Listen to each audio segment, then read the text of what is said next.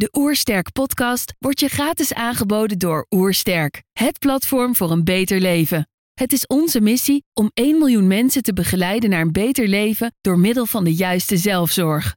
Wil je weten hoe jij kunt werken aan een beter leven? Ga dan naar www.oersterk.nu gezondheidscheck voor onze gratis gezondheidscheck en krijg direct jouw uitslag met persoonlijk advies. Mijn naam is Tibor Olgers en je luistert naar de Oersterk podcast.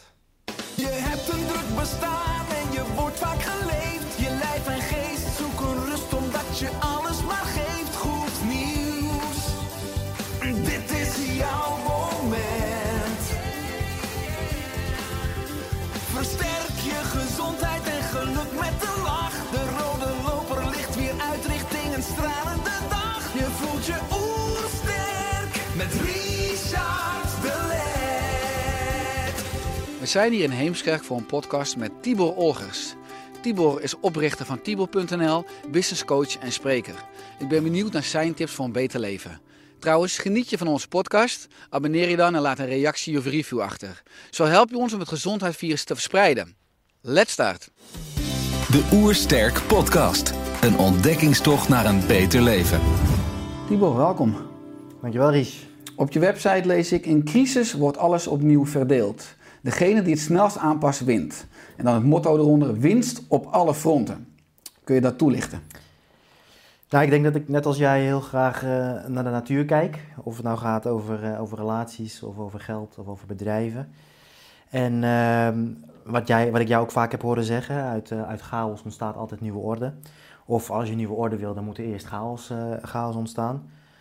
En ehm, ja, het is makkelijk om als mens, eh, als ondernemer, om te doen wat je moet doen als alles meezit. Als de zon schijnt, als je wind in de rug hebt, eh, als het leven je toelacht. Ehm, maar in tijden van crisis, eh, ja, dan leer je de ware aard van het beestje kennen, maar ook de ware aard van het bedrijf bijvoorbeeld. Dus ik denk dat sowieso 2020 een jaar van, van zuivering en van balans opmaken is van de natuur. Ook een jaar waarin de natuur echt wanhopig aan het schreeuwen is van luister naar mij en kijk naar mij en, en eer mij.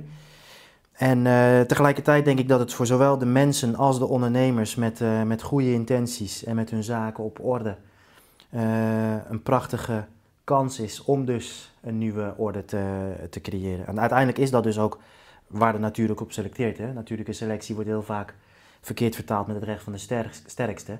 Maar het is, er wordt geselecteerd op competentie. Ben jij competent genoeg om met deze veranderende omstandigheden, wat de wereld nou eenmaal is, hè, en opeenvolging van veranderingen, ben je competent genoeg om door te mogen naar de volgende ronde. En de meest competenten mogen door en de rest die valt af. En zo blijft eh, de soort voortbestaan. Dus ehm, ja, wie kan zich het best aanpassen? Ja, en ik hoorde je laatst in een video zeggen: het leven is een dans, geen hardloopwedstrijd. Eh, waarom rennen zoveel mensen dan hard en waarom kunnen zo weinig mensen nog goed dansen? Jeetje, wat een mooie vraag. Ten eerste, het leven is een dans. Het leven is een dans tussen eh, vrijheid en veiligheid. Eh, of tussen eh, verbinding en vrijheid. Het leven is een dans tussen vastpakken en loslaten. Ehm, maar vooral het leven is een dans. Bij een dans is het niet de bedoeling om zo snel mogelijk bij het einde van de dans te komen. En ehm, bij een dans bepaal jij ook niet wat voor muziek er wordt gespeeld. Dat wordt voor je bepaald. Maar jij kan wel bepalen hoe, hoe die dans eruit ziet.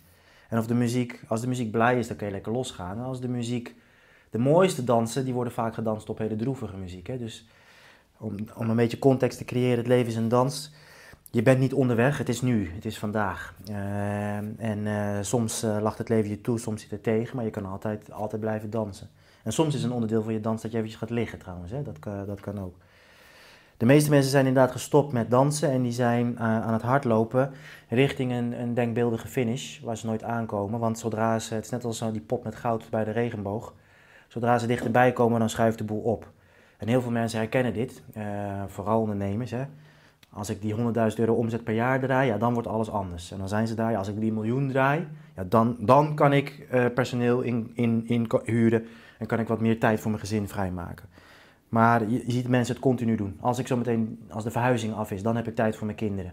Als zo meteen, als ik die promotie heb gemaakt, dan kunnen we een keertje op vakantie. Dus we zijn eh, altijd onderweg en als je altijd onderweg bent, dan ben je er dus nooit.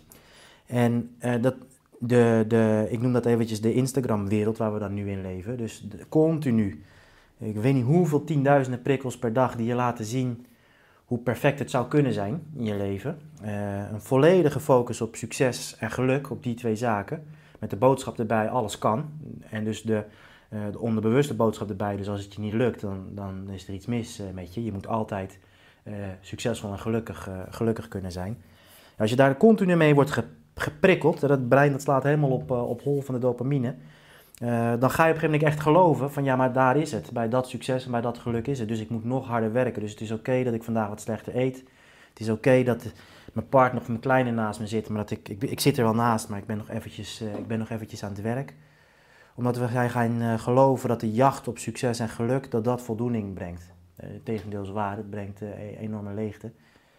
Maar dat is, dat is de oorzaak. We zijn elkaar aan het opjagen.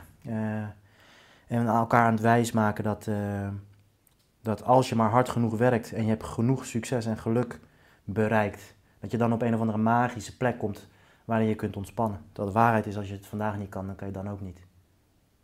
Nee, dus veel mensen offeren vandaag op voor een betere morgen. Die nooit dat- komt. Dat is, die nooit komt, dat is een illusie. Klopt. Ja, er is alleen vandaag, ja. Ja, er is alleen vandaag het huidige moment. Want je zegt dus veel mensen die, eh, die focussen onterecht op succes en geluk. Eh, terwijl ze veel meer aandacht mogen geven aan groei en zingeving, hè, Ja. hoor ik je altijd zeggen.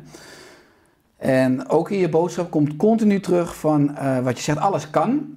Maar het is juist essentieel dat je ook offers durft te maken. En als je die doortrekt, want ik denk dat heel veel mensen ook uiteindelijk, waarschijnlijk ook als ze bij jou komen, vragen: ja, maar wat is nou niet alleen de zin in mijn onderneming, maar wat is ook misschien wel de zin van mijn leven? Ja, Nou, dus eigenlijk twee vragen. Wat is dan het nut van offers maken in het perspectief van groei en zingeving? En als je die veel breder trekt, hè, offers maken, wat is dan de zin van het leven? Want over beide aspecten hoor ik je veel praten. ja, correct.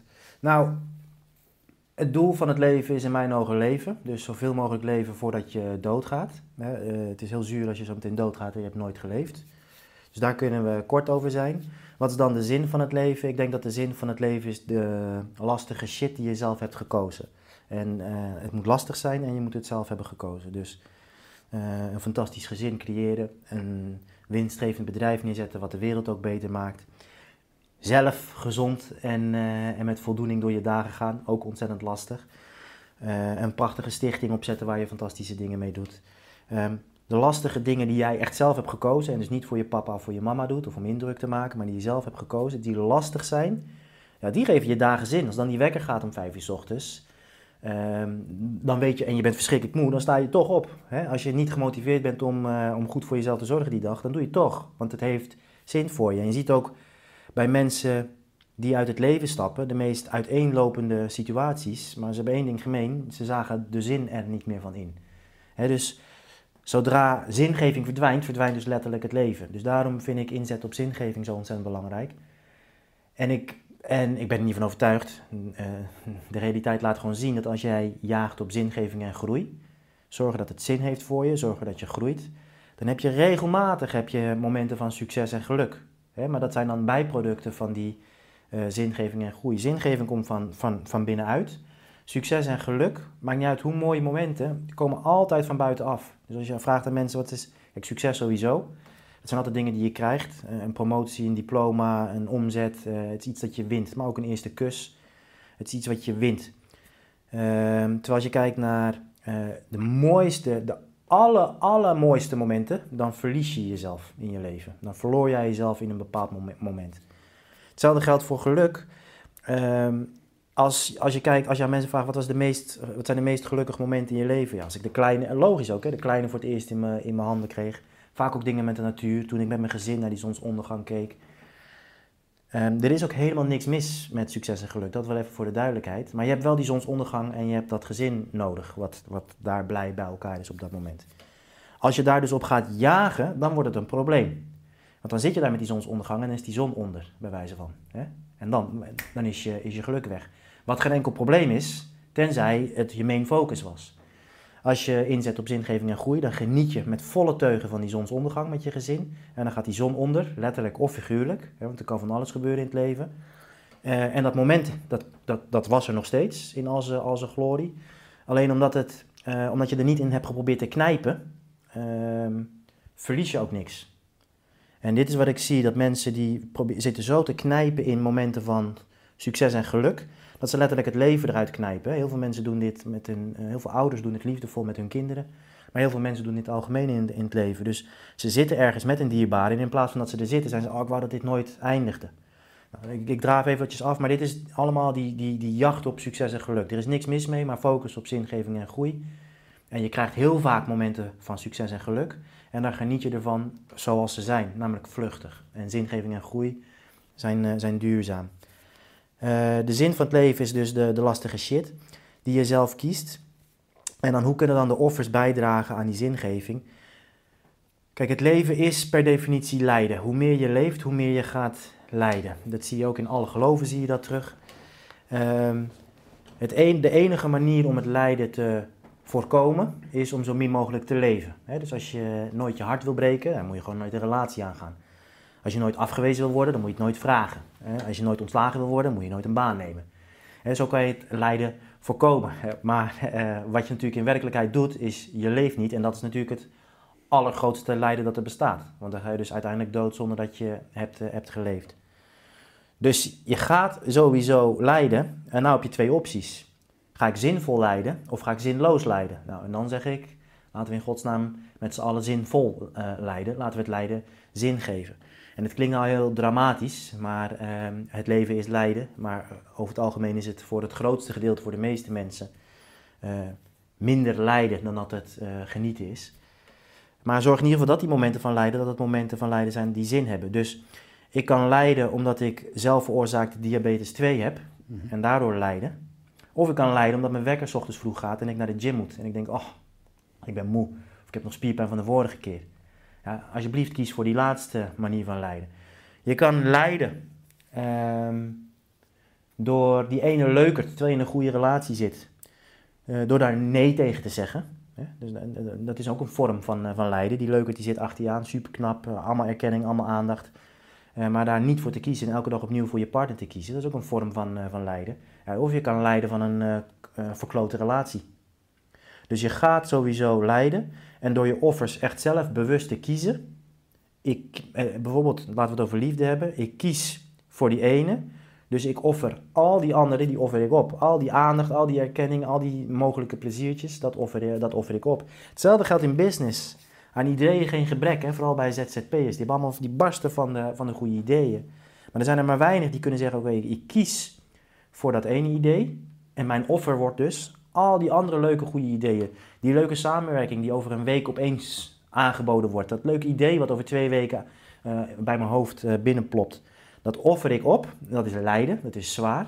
Zodat die lijdensweg van dat ene idee, dat wordt zin, die krijgt dan zin. Want dat kan dan tenminste ook slagen. Dus kies je lijden. En dan, eh, dan krijg je lijden zin. Ja, zie je daarin ook terug, want we leven in een wereld hè, met onbegrensde mogelijkheden, Mhm. wat misschien niet goed aansluit op ons ontwerp. Eh, nou, je hebt geleid eh, ondernemers, ZZP'ers, als business coach met je team eh, ook enorm holistisch. Waar zijn de me- meeste mensen en ondernemers nou naar op zoek als ze jullie benaderen? kaders. Dus precies wat je net zei. We leven in een onbegrensde wereld. Zonder kaders eh, heb je alleen maar leegte. Als ik zeg, eh, je stapt zo meteen een ruimte in, een donkere ruimte. En er zijn geen muren, er is geen plafond en er is geen, eh, geen vloer. Ja, waar stap je dan in? Hè?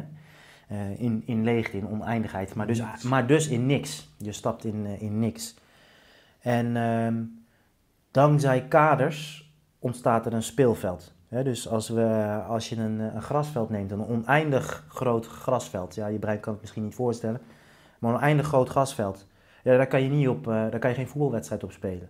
Maar zet er lijnen op, zet er doel, doelpalen en, en een net eh, op, kaders, van hier is raak en daarbuiten niet, en dit is in en daarbuiten is uit. En je kan het spel gaan spelen. Het schaakbord is precies hetzelfde, maar het leven is ook precies hetzelfde. Je moet kaders aanbrengen en dan kan je het spelletje van het leven kan je gaan, eh, kan je gaan spelen. Dus eh, ik wil wel een beetje genieten van het leven. Is een heel veel gebruikt excuus van mensen die eh, ja, hun zaken gewoon niet willen regelen. Hè, terwijl ze dus nog een eh, biertje nummer 5 opentrekken, terwijl de magnetron net pingelt van de magnetronmaaltijd die klaar is en Netflix weer opengetrokken. Ja, ik wil wel een beetje genieten van het leven, terwijl die magnetronmaaltijd naar binnen wordt gedrukt. Ja, en ik ga niet sporten en ik ga niet gezond eten en ik ga niet eh, hard werken om mijn beste werk te kunnen leveren. Ik denk dat juist de mensen ehm, nu, hè, ik heb het echt over nu. Ik bedoel, 50 jaar geleden had ik dit verhaal niet gehouden. Ten eerste bestond ik toen nog niet, maar eh, was de tijd er ook niet naar. Als het je nu lukt om door middel van de juiste kaders voor jezelf te zorgen dat je het minimale in ieder geval op orde hebt. En echt het minimale. Dus je hoeft voor mij absoluut niet, doe ik zelf ook niet, elke dag om, om vier uur op te staan, een, eh, een uur in een ijsbad te liggen, twee uur eh, te gaan trainen en dan eh, een boek te schrijven voor tien uur 's ochtends. Maar als je nou in ieder geval zorgt, ik heb een kader met betrekking tot mijn telefoongebruik. Ik heb een kader, een beperking, zelfgekozen beperking, met betrekking tot mijn scherm, schermtijd die ik heb. Ik heb ook een kader met betrekking tot hoeveel ik mag werken. Daar heb ik ook een kader, eh, heb ik ook een kader voor. En eh, bijvoorbeeld niet een beperking, maar een kader, een raamwerk. Ik doe ook regels met betrekking tot mijn relatie. Dus elke ochtend samen koffie. Elke vrijdag samen eh, erop uit. Ik, ik verzin nu maar wat. Ehm, maar dat is eigenlijk ook een vorm van beperking. Alleen hier komt, hier, komt die, door die beperking ontstaat een speelveld. En op dat speelveld heb je vervolgens oneindig veel mogelijkheden. Hè? Want er is nog nooit twee keer dezelfde voetbalwedstrijd gespeeld. Dus de juiste kaders brengen vrijheid. Zelf de, de ketenen, de zelfgekozen ketenen van beperkingen, die gaan je vrijmaken. En de gevangenis waar heel veel mensen nu in zitten, is een gevangenis onder het mom van ik wil vrij zijn. Dus ik eet wat ik wil, dus ik doe wat ik wil. Ehm, ik heb seks met de mensen met wie ik wil. En wat hebben ze? Een, leven vol beperkingen. Ze hebben krapte op hun bankrekening, ze hebben, ze hebben beperkingen in hun lijf, ze hebben beperkingen in hun kop en ze hebben beperkingen in hun relaties. Dus een lang verhaal, waar komen mensen voor? Voornamelijk nu aan, aan informatie, geen gebrek in deze wereld. Maar, maar er is een groot gebrek aan raamwerken waarin die informatie vorm kan krijgen, waarin eh, het spel gespeeld kan, eh, kan worden. Dus kaders, structuur eh, en ritme, dat is waarvoor ondernemers en mensen bij ons komen. Ja, want eigenlijk wat je zegt is heel interessant, want vrijheid is dus het gevolg van durven kiezen waar je je beperkingen plaatst. Exact. Gezondheid eigenlijk ook, want als je je beperkingen niet zelf kiest, dan gaat de natuur voor je kiezen. Dat is wat je ook zegt met diabetes type 2. Hè? Als, je, als je onbegrensd leeft, hè, altijd maar eet, drinkt, Ja. zit en, en nou ja, Netflix aan hebt staan, dan Ja. zegt de natuur op een bepaald punt tot hier en, en, we gaan bijsturen. En dan heb je dus de beperkingen die je niet zelf gekozen hebt, waar je onder leidt. Dus je gaat sowieso lijden. Ja. Eh, maar ja, kies, kies je lijden. Kies het lijden van die, van die sportschool. Kies het lijden van zelf koken, zelf boodschappen doen. Ja. Kies het lijden van je beste werk leveren. Eh, in, zodat je niet hoeft te lijden van een krappe bankrekening of een lichaam vol beperkingen. Ja, dus neem leiding met een kort ei. dat. Als je, Ja. als je het hebt over, nou ja, je, je staat eigenlijk bomvol principes en dat weet je op een hele sterke en prikkelende manier niet alleen maar te vertellen, maar ook te uiten. Hè. Bijvoorbeeld op, op Instagram, Ja. qua copywriting enorm sterk, in je, in je nieuwsbrieven die berucht zijn. Eh, maar je komt oorspronkelijk uit een hele andere hoek. Hè. Je hebt bij de speciale eenheid gewerkt, Ja. die belangrijke personen beveiligde. De koning, eh, belangrijke kopstukken in de politiek. eh, internationaal trouwens. En maar je gebruikt de principes die je daar hebt geleerd nu ook in je diensten. Klopt. Maar waarom, hoe ben je tot die omslag gekomen? Want je had er ook nog kunnen werken. Klopt. Nou, dat is een, een, eh, een, veelvoud van factoren die samenkwam. Eh, interessant, we moeten daar niet op ingaan, want dan eh, krijg je allemaal boze reacties. Maar wat er daar onder andere gebeurde is, wat nu ook heel relevant is, er werd geforceerd, werden de vrouwen binnen de dienst binnengebracht. Je ziet dit bijvoorbeeld nu ook in Amerika gebeuren bij de speciale eenheden. Eh, nou, daar ga ik nu niet te veel op in, maar in ieder geval, dat was voor mij mede aanleiding eh, en alle consequenties die dat had met betrekking tot de eisen die werden aangepast. Want het was een mannenwereld, een mannenbolwerk. Ja, correct. Er is heel veel interessant wetenschappelijk onderzoek ook naar gedaan, naar wat er gebeurt als je in speciaal, ik heb het echt over, en nou zat ik bij een speciale politieeenheid, eh, wat in het niet valt ook nog bij bepaalde specia- specialistische militaire eenheden. Maar er is heel interessant wetenschappelijk onderzoek gedaan over wat er gebeurt als je in zo'n specialistische eenheid eh, bijvoorbeeld eh, nou ja, ook vrouwelijke eh, teamleden inbrengt. Nou, lang verhaal kort, het is niet goed voor de prestaties van het team. Is het politiek correct? Absoluut niet. Ehm, is het de realiteit? Ja. Ehm, maar waar, daar ging het mij trouwens totaal niet om. Het was meer alle politiek eromheen eh, die mij tegen ging staan. Ik heb dat werk met ontzettend veel plezier gedaan, tien jaar lang. Het kameraadschap, eh, ja, dat, dat, dat, dat vind je nergens op die manier. En eh, ik wilde gewoon ook weggaan voordat ik zo'n zure oude gozer werd die eh, elke dag gilt van vroeger was alles beter. Maar voor mijn beeld, je bent soms dag en nacht met een ploeg op pad. Klopt, ja. Je staat onder enorme druk. Je moet natuurlijk met een extreme focus werken als Klopt, je ja. belangrijke personen beveiligt. Je kan niet, om het Nou, zo ook zeggen... dat, we- ook dat, hè, ook die club waar wij zaten, eh, die periodes waren er echt. Na de aanslagen van, eh, van Pim Fortuyn en Theo van Gogh bijvoorbeeld. Er zat echt werkelijk iedereen in de beveiliging, het Hollederproces. eh nou ja, er zijn meerdere best wel spannende periodes geweest. Maar het mooie was daar ook, er waren ook echt periodes van extreme rust. En dan kon je ontzettend veel trainen, oefenen. En, dus dat was ontzettend mooi.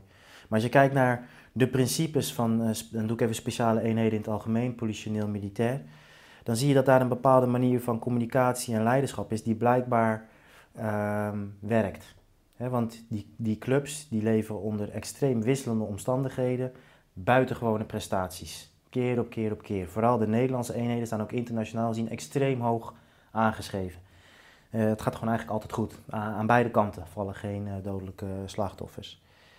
En ehm, ja, dan, eh, toen ik in het bedrijfsleven voor het eerst ging rondkijken en ik zag hoe omslachtig bijvoorbeeld er alleen al gecommuniceerd wordt en hoeveel er bijvoorbeeld ook niet werd uitgesproken. Kijk, als jij en ik samen elkaars leven moeten toevertrouwen, dat jij weet, ik kan nu rustig die kant op kijken, want zodra ik mijn lichaam die kant op draait, zal Tibor automatisch zijn lichaam de andere kant op draaien. Als je op die manier zeg maar op elkaar bent ingespeeld en dan moet je dat eens keer acht eh, voorstellen als je in een, in een team bent. Ehm, en ik kan jou, en, en er gebeurt wat, en, ik, en, wat, wat misschien in mijn ogen gevaarlijk is, en ik bespreek dat niet met jou.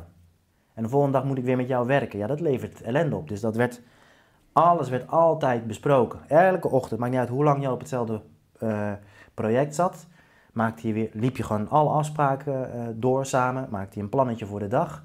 Heel kort, hè? heel simpel. En aan het einde van de dag werd de dag gewoon doorgelopen. Van waar, waar waren de bijzonderheden? En dat werd allemaal uitgesproken. Nou, alleen die gewoonte, die laat ik bijvoorbeeld al mijn klanten implementeren in een bedrijf. Ook in organisaties, maakt niet uit hoe groot. Een, een dagelijkse eh huddle van een paar minuutjes. Eh, een wekelijkse huddle van 20 minuutjes. Een maandelijkse meeting van een uur.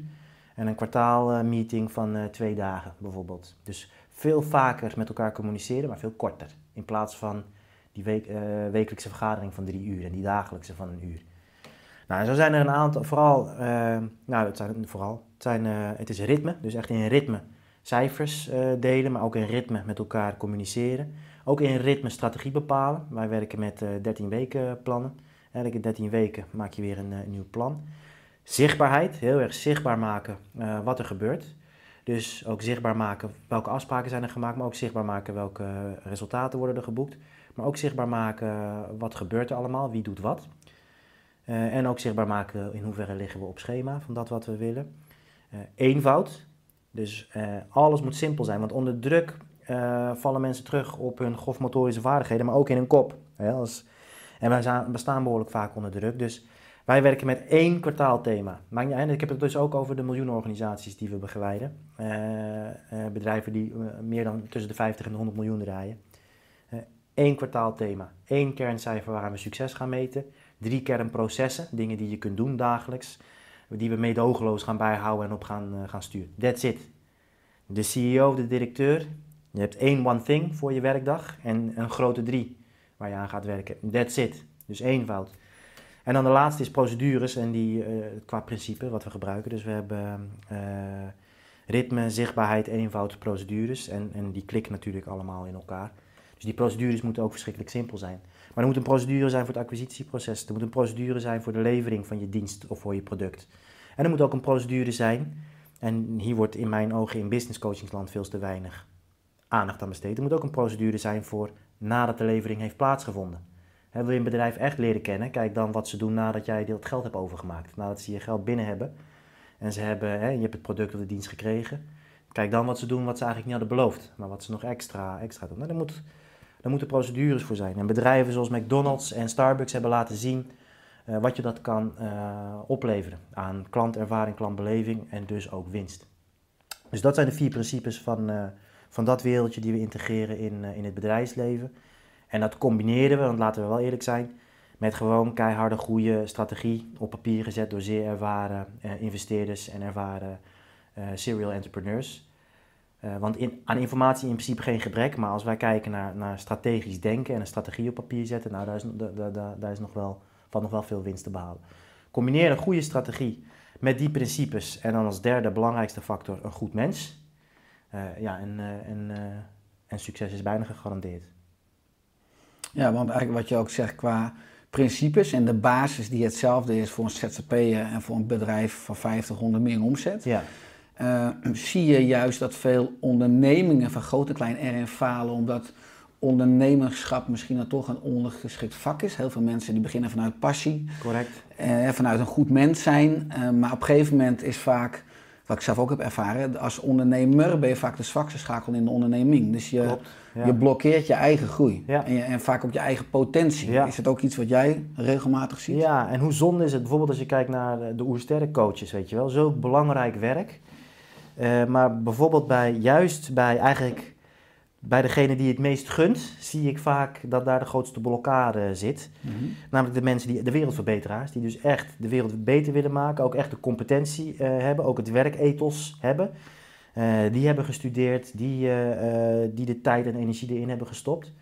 Maar net als dat, ehm, en daar ben ik ook zo blij met jouw opleiding, net als dat een goede vitaliteitscoach gewoon een vak is. Hè? Je kan er niet even een boekje lezen en eh, zelf eh, drie keer bootcamplesje doen. Dat dat echt een vak is, is ondernemen echt gewoon een vak met gewoon echt regels. En als je die regels niet kent of niet aanhoudt, ja, dan ga je verliezen. Dan wordt het er niet. Ongeacht hoe goed je bent. En dat is een denkfout die eh, heel veel ZZP'ers vooral maken. Als ik nou maar ontzettend veel certificaten haal. Als ik nou maar ontzettend veel aandacht aan mijn klanten besteed. Als ik mijn werk nou maar ontzettend goed doe. Ja, dan komen ze wel, weet je wel. En, dan, en, en als ze dan allemaal komen, dan draait mijn bedrijf ook wel goed. Nee joh. Eh, er gaan heel veel dingen gaan er gebeuren die niet de bedoeling zijn. Waarschijnlijk komen ze niet, de klanten. Hè, dat, is, dat is de eerste. Of ze komen en je offert vervolgens zelf eh, eh, de rest van je leven in. Of je eigen vitaliteit.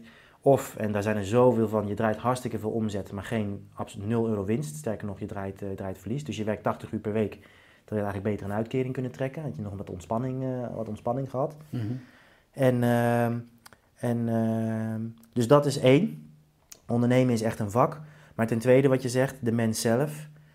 Eh, ja, we hebben allemaal onze eigen persoonlijke ellende natuurlijk. Van ons, het is altijd de schuld van je ouders, zeg ik ook altijd. Ook, zelfs als ze het heel liefdevol hebben gedaan, dan, eh, dan de ellende die je nu eh, ervaart in je leven is gewoon de schuld van je ouders. Dat mag je gewoon op hun afschuiven.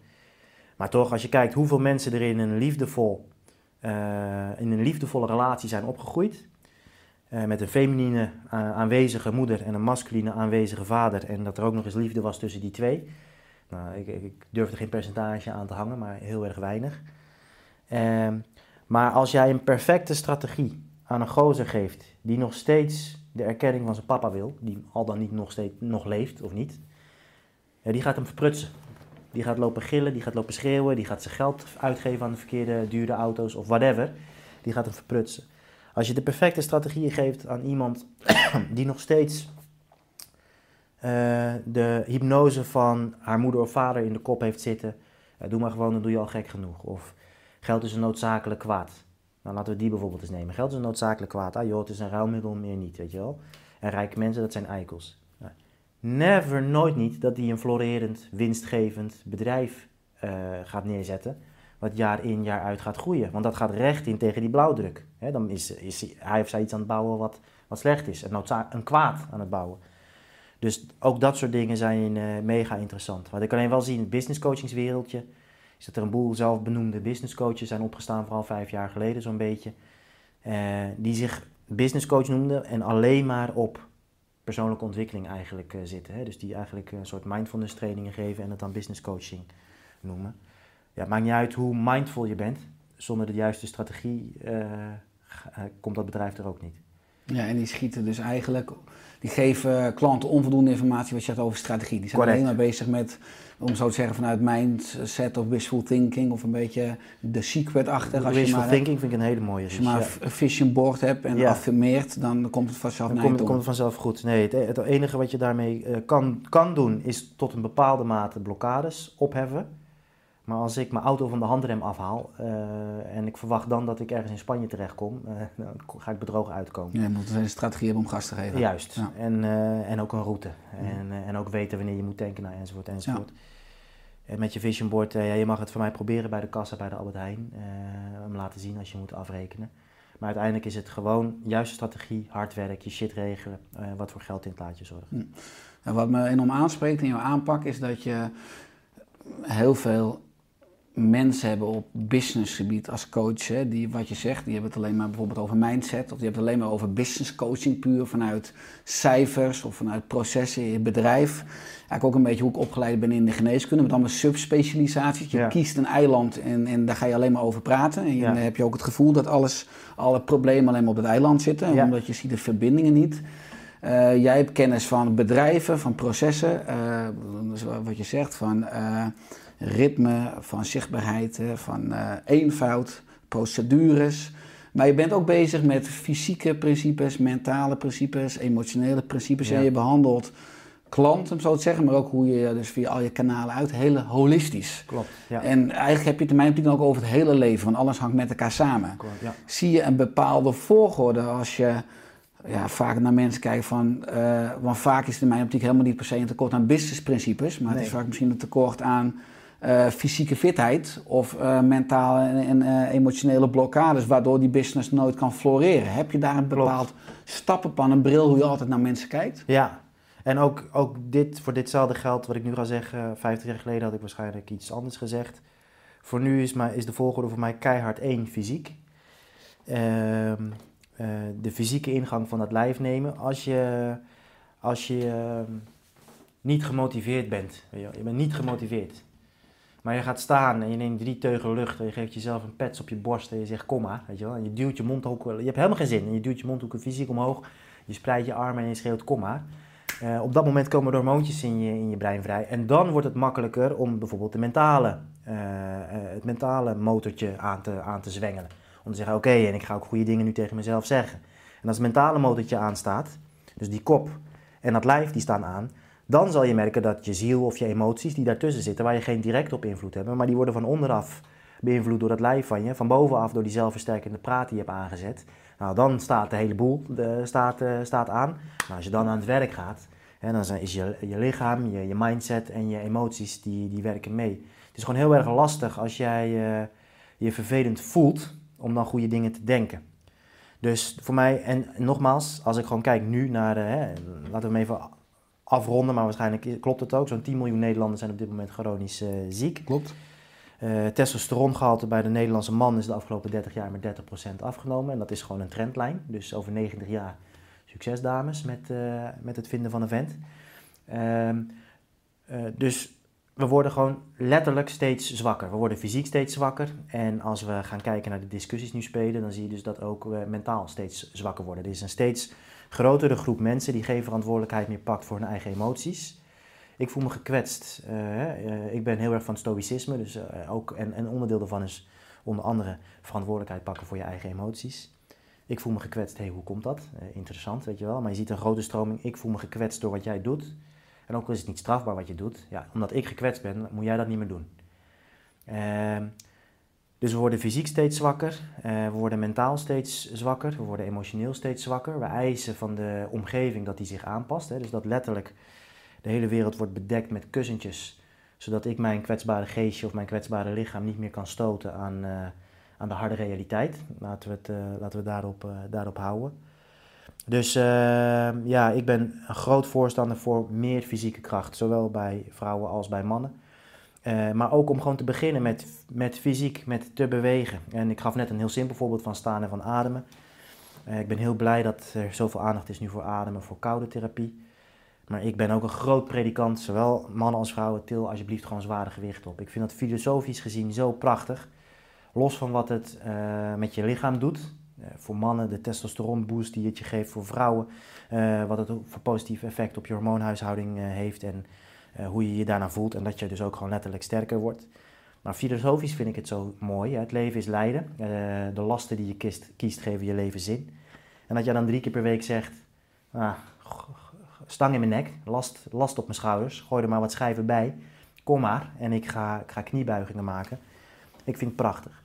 Nou, heel veel aandacht voor Je gedachten bepalen je fysieke wereld. Ja, als jij goede dingen denkt, dan heeft dat een positieve invloed op de fysieke wereld om je heen. Op je relaties, op je inkomen, op alles. Als je negatieve dingen denkt, uh, idem dito. Het is natuurlijk een beetje kortzichtig om daarvan uit te gaan dat het een, eenrichting, dat het een eenrichtingsweg is. Dus ik zeg, als jij je fysieke wereld gaat beïnvloeden, en begin dan eens met je eigen lijf, onvermijdelijk dat het een positieve wisselwerking op je brein heeft en de, en de dingen die daar, uh, die daar gebeuren. Dus één, fysiek. Twee, beheersing krijgen over die stem in je kop. Maar als ik daar nog even op in mag gaan praktisch. Je zegt dus krachttraining. Je doet zelf crossfit. Ja. bijvoorbeeld dus in de sportschool. Of je kan je gewoon, gewoon thuis opdrukken en optrekken. En een squat en een wall Nou, ik ben, ik ben een groot voorstander van echt, echte krachttraining. Dus er is, nogmaals, er is niks mis met, uh, met bootcamp en bodyweight training enzovoort. Maar voor mij mag heel Nederland gewoon drie keer in de week uh, minstens zijn eigen lichaamsgewicht aan een stang verplaatsen. Deadliften, backsquatten, benchpressen, optrekken, schouderdrukken. Gewoon de grote compound oefeningen. Zware gewichten, daar is ook het wetenschappelijk onderzoek wat dat met je hormoonbalans doet, wat dat voor je gewrichten doet. Uh, uh, wat het met je gemoedstoestand doet, uh, is gewoon fenomenaal. Duidelijk. En je hebt dus op het kopje fysiek over krachttraining, ook vaak over mobiliteit. Ja, die twee vind ik. Mobiliteit is heel veel. Yoga is heel hip geworden. Prima alles kan, alles heeft een prijs. De prijs van yoga zijn, eh, als je alleen maar veel yoga doet, zijn lange, dunne, niet-functionele spieren. Als je alleen maar uh, yoga doet. Uh, bijvoorbeeld als we even een voorbeeld nemen, een ballerina. Die is functioneel flexibel. Dus die, kan, die heeft een volledige bewegingsuitslag over haar gewricht, haar heupgewricht. Maar die kan over die hele positie kan die bizar veel kracht uitoefenen. Hetzelfde zie je bijvoorbeeld bij, bij turners. Dus waarbij flexibiliteit focust op het langer en dunner maken van de spieren. Uh, waar, waar niks mis mee is, tenzij dat, net als met alles in het leven, dat je main focus wordt. En dat is voor een grote groep mensen een main focus. Focus mobiliteit op het, de volledige bewegingsuitslag van je gewrichten houden, van al je, al je gewrichten. En daar ook kracht in kunnen leveren. Ik blijf terugkomen op dat woord kracht. Competentie, beheersing, is voor mij, bestaat uit twee eenheden. Namelijk controle en kracht, gecontroleerde kracht. Als jij het voor elkaar krijgt om zelf gecontroleerde kracht te worden, ja, dan kan je dingen voor elkaar krijgen in het leven. Dus uh, krachttraining, mobiliteit, vijf minuutjes per dag, ademen, hè, uh, wat Casper uh, van der Meulen, Marcel Hof in, in Nederland onder andere nu heel erg groot aan het maken zijn gelukkig. koude therapie en slaap en voeding, weet je wel. Ja, ik ga hier natuurlijk geen advies geven, want daarvoor ben, ben jij de grote man. Wat ik, wat ik zou aan willen vullen op wat jij zegt, op wat Casper zegt, zware gewichten. Helemaal voor de mannen, minstens, drie keer, twee, minstens twee keer, maar liever drie keer in de week. Echt zware gewichten. Minstens je eigen lichaamsgewicht, liever anderhalf of twee keer je eigen lichaamsgewicht. Zorgen dat je dat op een, op een gegeven ogenblik kunt verplaatsen. En dat we zo, met, zo hopelijk die testosteronspiegel met z'n allen weer een beetje uh, een, een tikje de goede kant op kunnen geven. Duidelijk, je was bij de stem in je hoofd fysiek gehad, dan is het essentieel dat je de stem in je hoofd, dat je daar beheersing over krijgt. Dus ook daar weer, dat dat een gecontroleerde kracht wordt. Uh, dat brein dat lult 24-7 tegen je vanaf, je vanaf je vierde. Is geprogrammeerd door je opvoeders en daarna door, de, door Disney en de maatschappij. Nou, ik zal niet down that rabbit hole gaan, maar uh, uh, daar valt genoeg over te zeggen over die programmering. Hè, pas je aan, luister. nou ja, nee, dat moet ik niet doen. Maar ehm, die stem die lult tegen jou en als jij daar geen meesterschap over pakt, ja, dan ben je dus overgelaten aan het lot van die stem. En uh, Joe Dispenza, Dr. Bruce Lipton en onze eigen Edwin Selei praat hier heel veel over. Zodra jij een gedachte hoort, hè, dus de, stem, uh, op dat moment is een onzichtbare, ontastbare gedachte, wordt die zichtbaar en wordt die tastbaar. Gewoon wetenschappelijk gezien zien we de neurotransmitters, we zien welk gedeelte van het brein oplicht. we kunnen dat meten, we kunnen dat, we kunnen dat zien. Um, dat gaat, weer, dat gaat je, je lichaam in die neurotransmitters, dat, dat, dat connect met een receptor, daar komen hormonen vrij.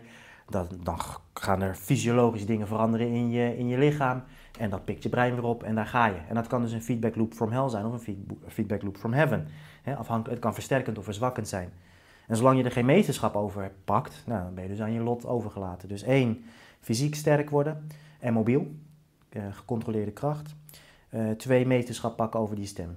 Shit FM, we hebben allemaal een Shit FM. Bij sommigen is die heel zielig. Uh, ik ben het allemaal niet waard en het heeft geen zin, het is niet eerlijk. Bij anderen is die heel boos. Ik heb hier recht op. En uh, bij anderen is die heel uh, verdrietig. Nou, we hebben allemaal onze. Bij anderen is die heel streng. Dit doe je niet goed en je bent dit niet waard. Eh, nogmaals, je ouders en, eh, en de programmering die je hebt meegekregen, die gaat nooit uit, die shit FM. Die gaat nooit uit. Het enige wat je, dus je kan niet trainen dat die shit FM verdwijnt. Die zal blijven opploppen. Wat je wel kan doen is een Power FM ernaast ontwikkelen. Een stem die versterkend werkt. Dus zodra shit FM aangaat, zet je gewoon Power FM aan. En die is liefdevol en die is versterkend en die is bekrachtigend. Nou, dat is twee, om daar, eh, dus dan ben je fysiek sterk, je bent mentaal sterk en dan is het afhankelijk van wat je wil. Dus nu hebben we het over business. Nou, ik geloof dat als je die mens, die fysiek gezond en sterk is, die beheersing heeft over zijn stem en je geeft die een goede strategie. En nogmaals, dat moet wel echt een goede strategie zijn. Eh, ja, die gaat er iets fantastisch van. Als het een matige strategie is, gaat die mens daar iets fantastisch van maken. Geef een fantastische strategie aan iemand die fysiek niet oké is door eigen toedoen. Uh, en geen controle heeft over de stem. En die zal die fantastische strategie verprutsen. Dus dat is de volgorde. Fysiek, mentaal, strategisch. Ja, als je het hebt over eh, strategisch, kan je het ook hebben over een dashboard. Hè, van meten is weten. Ik weet dat naar de podcast luisteren en kijken veel ondernemers, ZZP'ers. Uh, wat zijn belangrijke parameters op een dashboard? En hoe kunnen ze, ook als ze luisteren, denken: ja, inderdaad, het is zo logisch, maar ik doe nu zelf helemaal niets. Wat is een startpunt? Ja, grote vraag. Uh, een aantal dingen vind ik ontzettend belangrijk. Eén, uh, maak de verschuiving in je denken en in je praten van omzet naar winst. Vooral in ZZP-land wordt er alleen maar over omzet gepraat. Het zegt niets natuurlijk. Omzet is, is, zegt helemaal niks. Er zijn ontzettend veel bedrijven die draaien miljoenen aan omzet en draaien verliezen gaan langzaam kapot. Ja. Uh, en ook vooral op Instagram zie je de plaatjes van de mensen die ontzettend veel omzet draaien met hele ongezonde bedrijven. Dus je ziet de dure horloges en de dure auto's. Leer praten en denken in winst. Dus als jij een retreat organiseert en tien mensen schrijven zich in voor 1000 euro, heb je geen 10.000 euro verdiend met dat retreat. Je hebt ook je hebt 10.000 euro omzet gedraaid, maar dat moet je niet eens willen uitspreken. Dat doet er niet toe. Ik heb, 500, ik heb een week lang gewerkt, plus een maand lang voorbereiding, marketing en alles en teksten schrijven. En ik heb 500 euro netto, netto, netto overgehouden.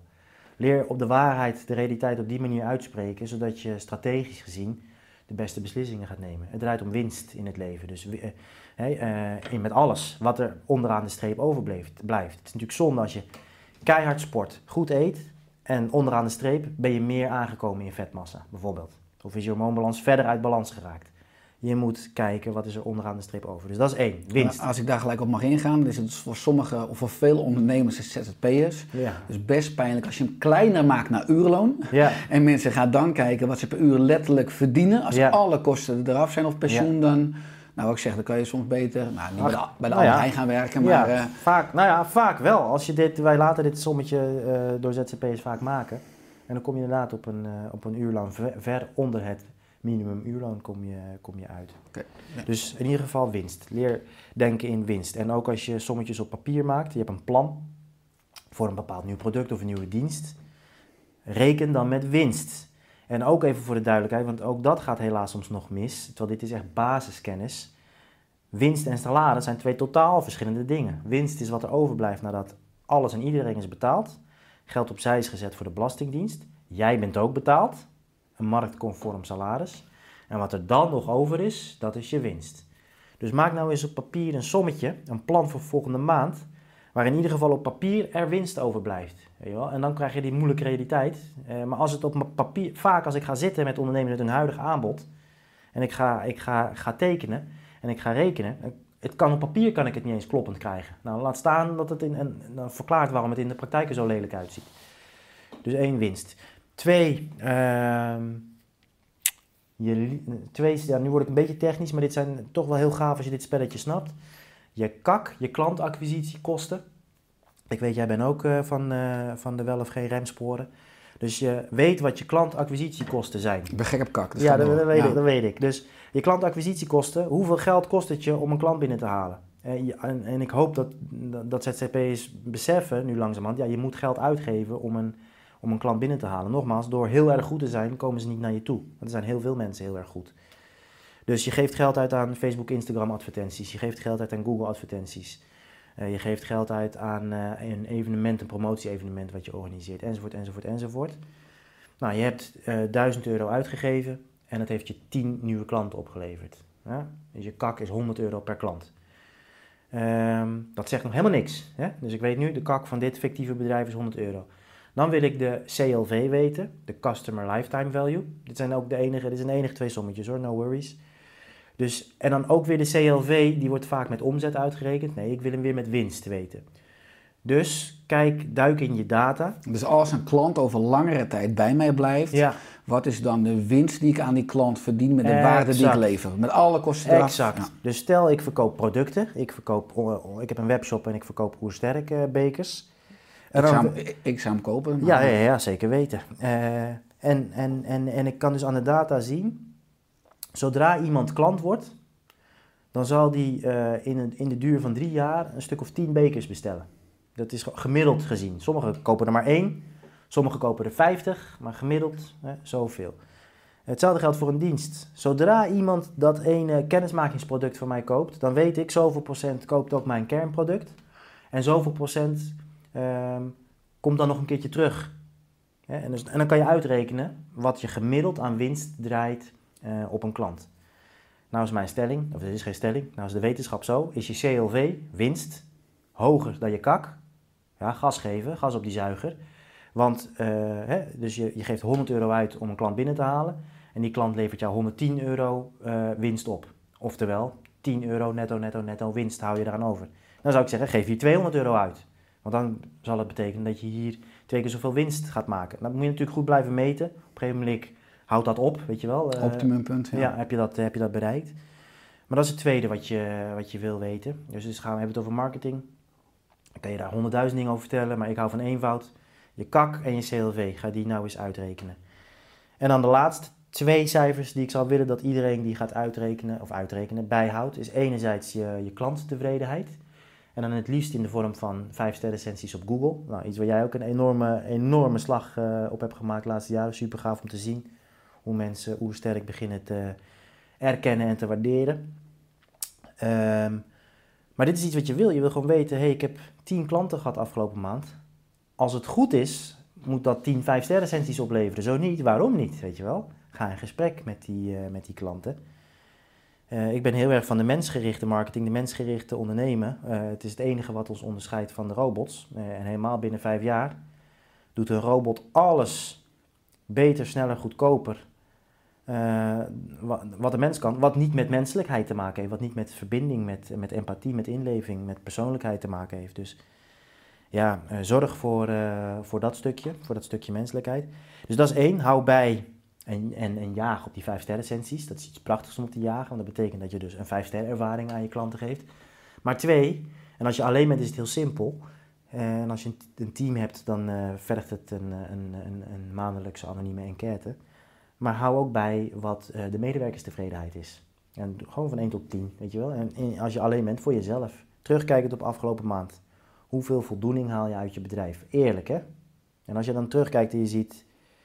Mijn gezondheid is aan het lijden. Ik zie mijn gezin minder dan ik wil. Ik heb zeikklanten die alle energie uit me zuigen. Weet je, nou ja, geef dan serieus dat cijfer. En als jij eh, twee, drie maanden achter elkaar een dikke onvoldoende hebt, dan alsjeblieft verander wat.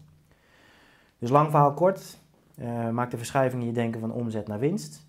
Aan de voorkant van je bedrijf eh, focus op kak en op CLV en zorg ervoor dat die CLV hoger wordt dan je kak.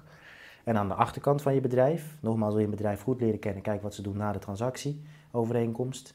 Focus enerzijds eh, in je dashboard hoeveel 5 ster recensies zijn erbij gekomen. Ga alsjeblieft ook in gesprek, ook met de 5 ster recensie klanten. Vraag aan ze eh, waarom en wat je eventueel nog meer voor ze kan doen. Zeker ook met, eh, met de ontevreden klanten. Soms, als het echt, sommige mensen, eh, er is gewoon een mismatch. Dus luister naar wat ze te zeggen hebben, wat ze allemaal niet goed vinden. Maar ga alsjeblieft niet naar de pijpen dansen van de 1 en de 2 ster recensies. Ehm, luister vooral heel goed naar de mensen die de 5 ster recensies geven. Vind ik heel belangrijk. Ik, ook sowieso voor de, voor de helpers, de wereldverbeteraars, want die kunnen zich kritiek zo ontzettend erg aantrekken.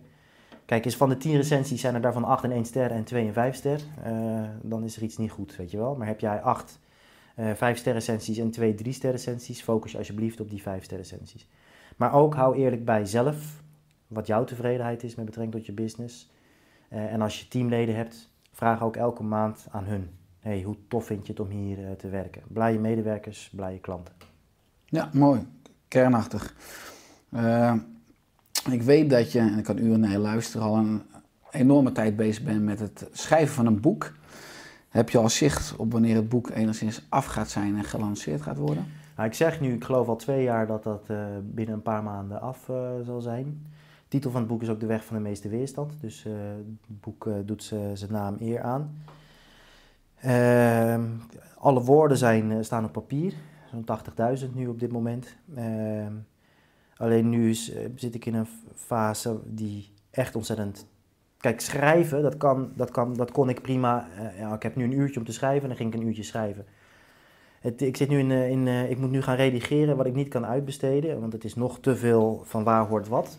Dus ik moet het zelf doen. Ja, dat betekent een hoofdstuk lezen, het volgende hoofdstuk lezen, eh, weer, weer een paar zinnen aanpassen waardoor het beter overloopt. Ja, en mijn agenda is ook mede door corona geweest. Ik, heb, ik heb zo hard moeten bijspringen om, om het bedrijf eh, hier doorheen te trekken. Te zorgen dat alle medewerkers gewoon op vakantie konden gaan. Hun salarissen werden doorbetaald. eh, onze klanten gewoon hebben gekregen waar ze recht op hadden, plus meer. Nou, dat is allemaal gelukt. Maar dat heeft wel een, eh, een flinke eh, tol geëist en ook een slag gelegd op mijn agenda. Ja, dit is gewoon een heel lang verhaal, Richard, om te zeggen van... ik durf het bijna niet te zeggen. Maar ik wil er zo hard voor gaan dat dat dit jaar nog gaat lukken. En sowieso voor dat hij onder de kerstboom kan liggen, zeg maar. Ja, dan is in 2020, eind 2020 mogelijk af. Ja, Mooi, tof. Heel Ja. leuk. Ik kijk ernaar uit. Ik koop hem zeker. Eh, omdat jij altijd jezelf zo breed uit, ook over maatschappelijke ontwikkelingen, eh, nou ook als je het hebt over principes die we, waar we denk beide vinden eigenlijk al aan kinderen zouden moeten leren op de basisscholen en middelbare scholen.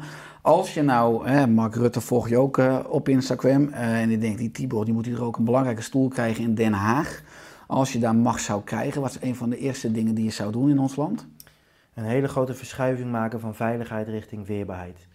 Dus eh, veiligheid bijt vrijheid. Hè? Dus als ik de, terugga naar mijn eenheid, de meest, de, de, de, meest bedreigde personen, waar de bed- bedreiging echt gewoon eh, hoog en actueel en, eh, en, ja, en relevant was. Ja, dat was eigenlijk maar één optie en dat was ergens in een bunker onder de grond verstoppen. Dan was je super veilig. Maar het leven van, van die persoon, ja, de, de vrijheid, die, die was weg. Dus wat belangrijk om te beseffen is, is dat veiligheid staat haaks op het leven. Het klinkt heel gek. De veiligste, als je extreem veilig door het leven wil gaan, dan moet je niet naar buiten gaan. Dan moet je in een bunker onder de grond gaan zitten. En uiteindelijk is dat het meest gevaarlijke wat je, wat je kunt doen. Als ik kijk naar de Nederlandse politiek, als ik kijk naar, ehm, ehm, nou, als ik, als ik kijk naar de ontwikkelingen in de maatschappij, dan eh, is er een eenzijdige focus op veiligheid. Begrijp me goed, wat ik hiermee niet zeg is bewust eh, gevaarlijke situaties opzoeken. Nee, absoluut niet. Alleen mm, met betrekking tot corona, met betrekking tot onze kinderen. Je kan voorkomen dat een kind ooit gekwetst wordt door hem dus nooit naar buiten te laten gaan. Door te zeggen, jij mag geen vriendjes of vriendinnetjes hebben, want die kunnen je teleurstellen. Dat kan, weet je wel, veilig. Nogmaals, daarmee creëer je een ontiegelijk gevaarlijke situatie. Namelijk iemand, een wezen, een mens, die totaal niet bestand is, weerbaar is tegen het leven. Het leven is lijden. En eh, wat hadden we nou, eh, wat, wat is in ieder geval mijn visie? Eh, wat is de zin van het leven? Je zingeving, jezelf geko- gekozen leiderschap. Maar dan moet je wel de draagkracht hebben om dat lijden te kunnen dragen. Hoe krijg je draagkracht? En dan kijken we weer naar de natuur. De natuur had ervoor kunnen kiezen om die ijsbeer naar, nou, bijvoorbeeld naar Nederland te verhuizen. Weet je wel, veel beter klimaat. Nee, de natuur heeft ervoor gekozen om hem een bepaalde vacht en een bepaald eh, lijf mee te geven, wat weerbaar is tegen die omstandigheden. En hetzelfde zie je in de woestijn. Eh, hetzelfde zie je met ehm, ehm, beesten die een schild eh, ontwikkelen. Wat laat de natuur ons zien? Hoe word je weerbaar tegen iets? Niet door het te vermijden, maar door het juist op een intelligente manier op te zoeken. En dit is iets wat ik zou, wat ik meteen als eerste zou doen. Gewoon alleen al op principeniveau die verschuiving, die stoppen met de verheerlijking van veiligheid, het bedekken van het hele land met kussentjes. Dit woord mag niet meer gezegd worden, die activiteit dat mag niet meer, dat YouTube-account moet geband worden, want het is eh, niet veilig. En inzetten op weerbaarheid. Een weerbare geest ontwikkelen die kan omgaan met de mening van anderen. Dat is het mooie van de democratie waarin we leven, waarvoor we hebben gekozen. Dat er dus mens, dat iedereen dus mag zeggen wat hij wil, zolang het niet in strijd is met de wet. En dat we de eigen weerbaarheid ontwikkelen om daar met, na, naar, mee te kunnen dealen. Maar ook fysiek gezien dus weer. Hè? Dus even los wat, wat, wat we vinden van de maatregelen van, eh, van de overheid. Ehm, als je ziet hoeveel aandacht en geld er aan veiligheid is besteed en hoe eh, weinig aandacht en geld er aan weerbaarheid, aan het versterken van gezondheid, gewoon versterking eh, is besteed, ja, dat is bizar. Dus ja, dat zou ik doen. Meer weerbaarheid. Eh, want ik geloof dat hoe weerbaarder we onze kinderen nemen, des te meer ze kunnen deelnemen aan het, aan het leven. En dat is nogmaals het doel van het leven: deel kunnen nemen. Ja, mooi. Want je hebt een uitgesproken mening en die ventileer en deel je ook heel graag via verschillende kanalen. Ik zei je nieuwsbrief, Instagram. Krijg je daar ook regelmatig leuke of prikkelende of anti-reacties op? Ja, regelmatig. Eh, echt haat is dat ook. Dus, en dat is gelukkig, eh, nou laat ik zeggen, 1 op de 100 of zo reacties. En die is dan. Uh, en dat is dan ook wel kenmerkend voor, die komt altijd ex, extreem linkse hoek, laat ik goed het woord extreem benadrukken. Um, maar het, het bijzondere van extreem links, die toch wel echt in opkomst is in, in Nederland ook, is censuur. Hè? Een, van de, van de kenmerken van, van het marxisme is, is een, machtige overheid die alles bepaalt. en censuur, hè? dus bepaalde dingen, ja, je levert gewoon je, je vrijheid in. En ik blijf het bijzonder vinden, want juist als het gaat over belangrijke thema's, zoals gelijkwaardige behandeling van mannen en vrouwen, eh, racisme, discriminatie, onze gezondheid, onze kinderen, onderwijs, ja, dan zou je zeggen eh, dat het heel belangrijk is om uh, elkaar uit te laten praten en elkaar ook te horen. En ehm, als je goede argumenten hebt, als je de feiten hebt, ja, dan is het prima om de ander uit te laten praten. Want je hebt, je hebt de feiten. En uh, van de andere kant vind ik het wel jammer, want ik krijg als ik iets post over, uh, nou, over de zaken die ik net heb genoemd, wat dan ingaat tegen de mainstream hashtags op Instagram of de mainstream media-uitingen, dan krijg ik dus 99 berichtjes van mensen die zeggen: Hé, ik ben zo blij dat jij het wel durft te zeggen. Ja, ik, ik durf dat niet, want. En daar hebben ze ook gelijk in. Als ik dat doe, dan word ik afgemaakt. Of dan, dan krijg je dus niet van: ik ben het niet eens met je. Nee, ik ben vergeleken openbaar uh, met, uh, met, met Hitler, uh, met, met de grootste ellende die krijg ik naar mijn naar mijn hoofd geslingerd. Um, en heel veel mensen, ik kan daar prima tegen, ook door de, dat de verhouding klopt. Hè, maar heel veel mensen terecht kunnen daar niet goed tegen en die slikken hun woorden dus in. En dat is wel iets waar ik me heel erg zorgen om, om maak. Dat de emotie het aan het winnen is van, van de ratio als het gaat om belangrijke thema's. Juist dan, kijk, wij zijn irrationele, emotionele wezens.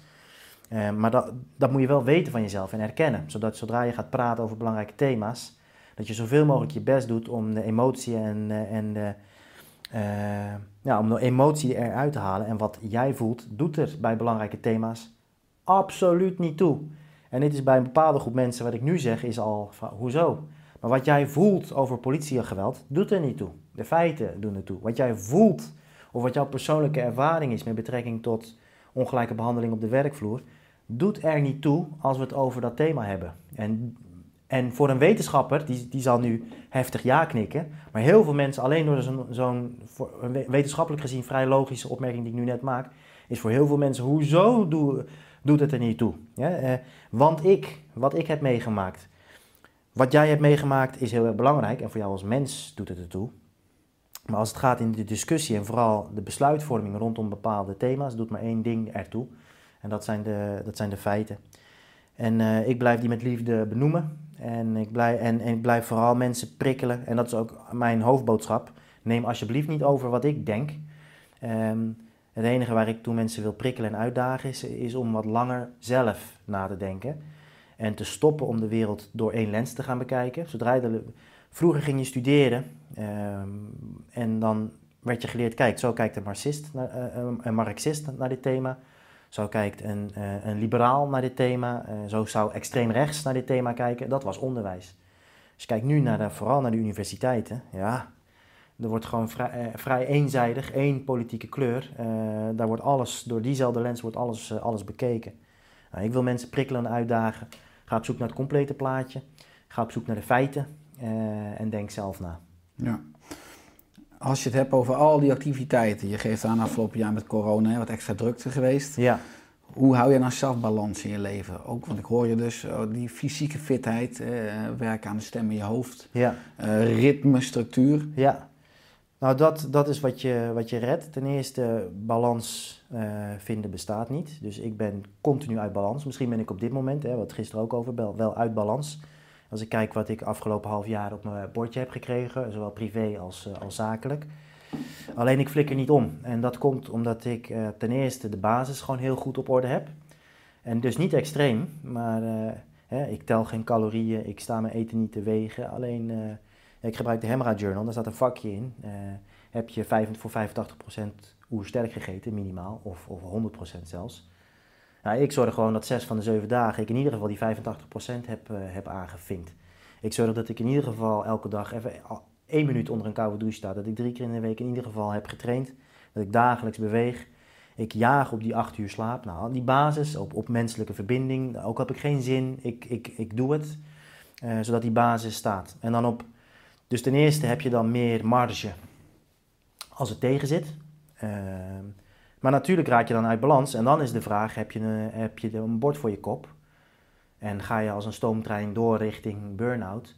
Of luister je naar die signalen van je, van je, van, van je eigen lijf, maar ook van het leven? En eh, in die periodes prioriteer je dus extra ontspanning, ontkoppeling, eh, ruimte en rust. En dat is wat ik doe. Dus ik zorg voor een, eh, dat durf ik wel te zeggen, een enorm sterke basis. Ik ben gewoon fysiek, mentaal, emotioneel enorm sterk. Eh, en ook dan ben ik dus continu uit balans. Hè, dat is een koorddanser, die, die is niet van, oh, ik heb mijn balans zo, weet je wel. Die stok die kan weg en nu kan ik, eh, nu kan ik lopen.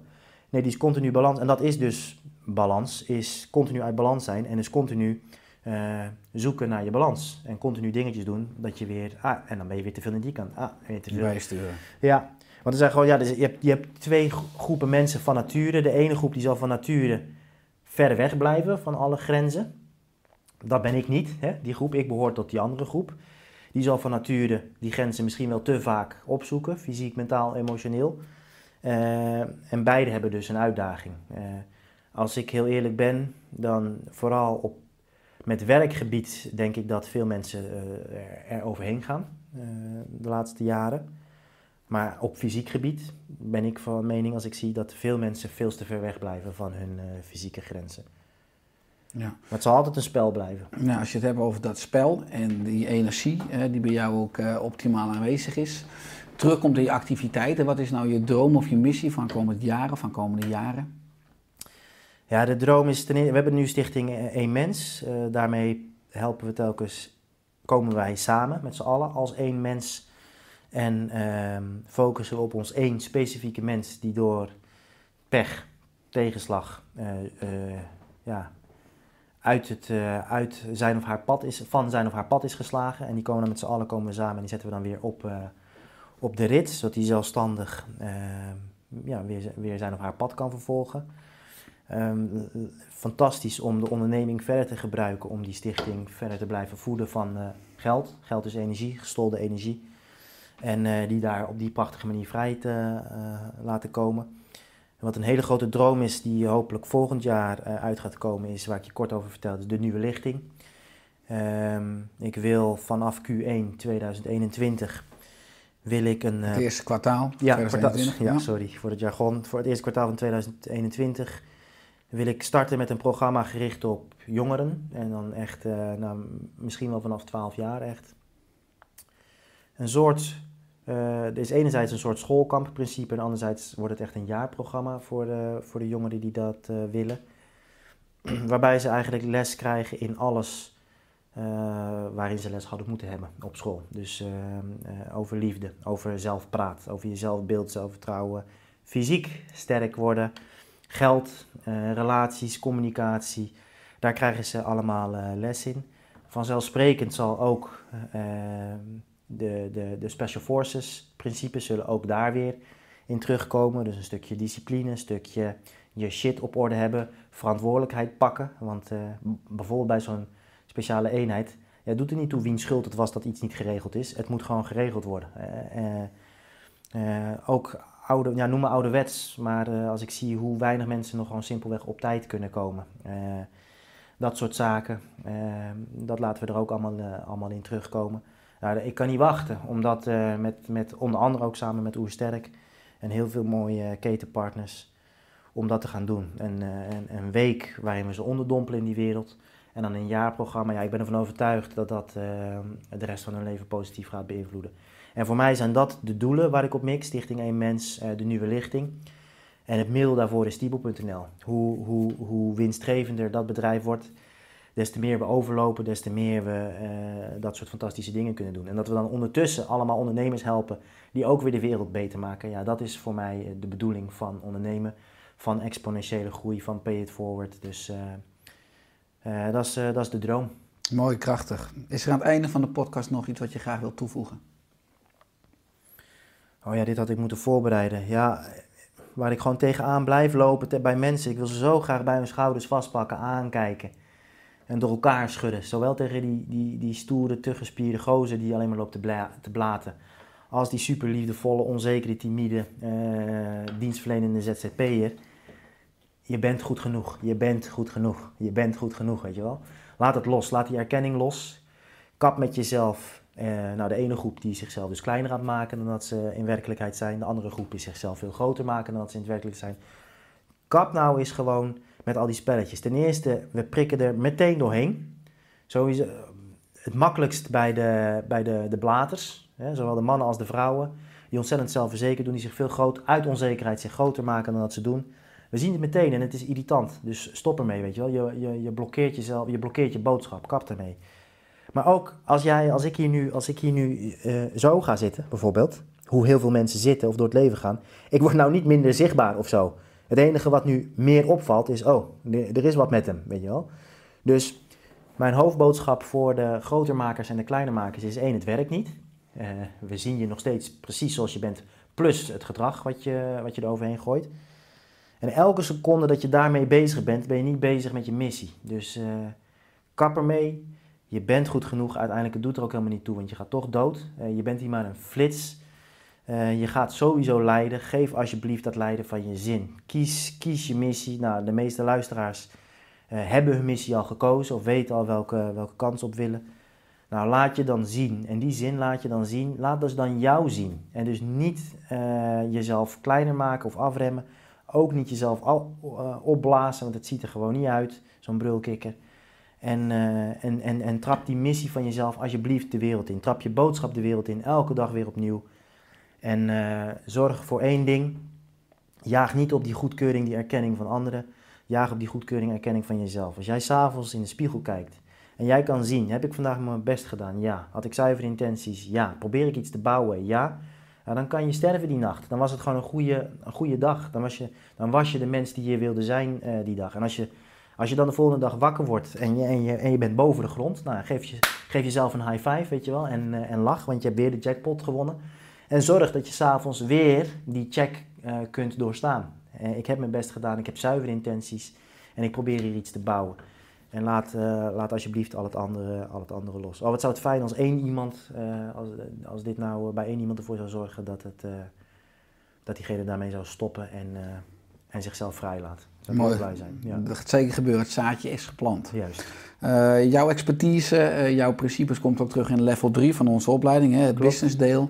Waar kunnen mensen nou, eh, als ze niet in de opleiding zitten, terecht voor, voor jouw boek, voor je diensten, Ja. voor je boodschappen? Ja, sowieso tibor.nl schrijf je ergens op die site in voor, voor nou laat je e-mailadres achter. Daar krijg je heel veel voor terug. Dus als je naar tibor.nl gaat en je drukt op die rode knop, dan gaat sergeant Tibot, die gaat met jou een gesprek aan om even te achterhalen wat voor jou relevant is. En eh, als jij je e-mailadres geeft, dan zal hij je belonen met eh, allerlei mooie goodies die daadwerkelijk relevant voor je zijn. Ehm, dus dat is één. Eh, twee, de kanalen waar ik het meest aanwezig ben zijn Instagram en YouTube. Alles wat ik post op Instagram komt ook automatisch op Facebook. Eh, maar daar ben ik, eh, ik vermijd Facebook voor de rest. Dus op Instagram, ik lees alle berichtjes eh, die ik krijg. Ik ben dagelijks aanwezig op de stories en ik ben dagelijks aanwezig met een post over het leven of over ondernemen. YouTube ben ik wel wekelijks aanwezig met wat, nou, wat langere over pijnzingen, over geld, over liefde, over aantrekkingskracht, over ondernemen. Allemaal Tibor.nl. LinkedIn ben ik ook minstens één keer in de week wel aanwezig met wat meer de zakelijke, zakelijke dingen. Maar Instagram, YouTube, dat zijn eh, de hoofdkanalen. Mooi. Nogmaals dank, Tiep, voor je aanwezigheid in de Oersterk podcast. Met heel veel liefde en dank voor het me laten uitratelen elke keer. Ook met liefde. En dat we samen nog maar veel mooie bruggen mogen bouwen voor uiteindelijk winst op alle fronten.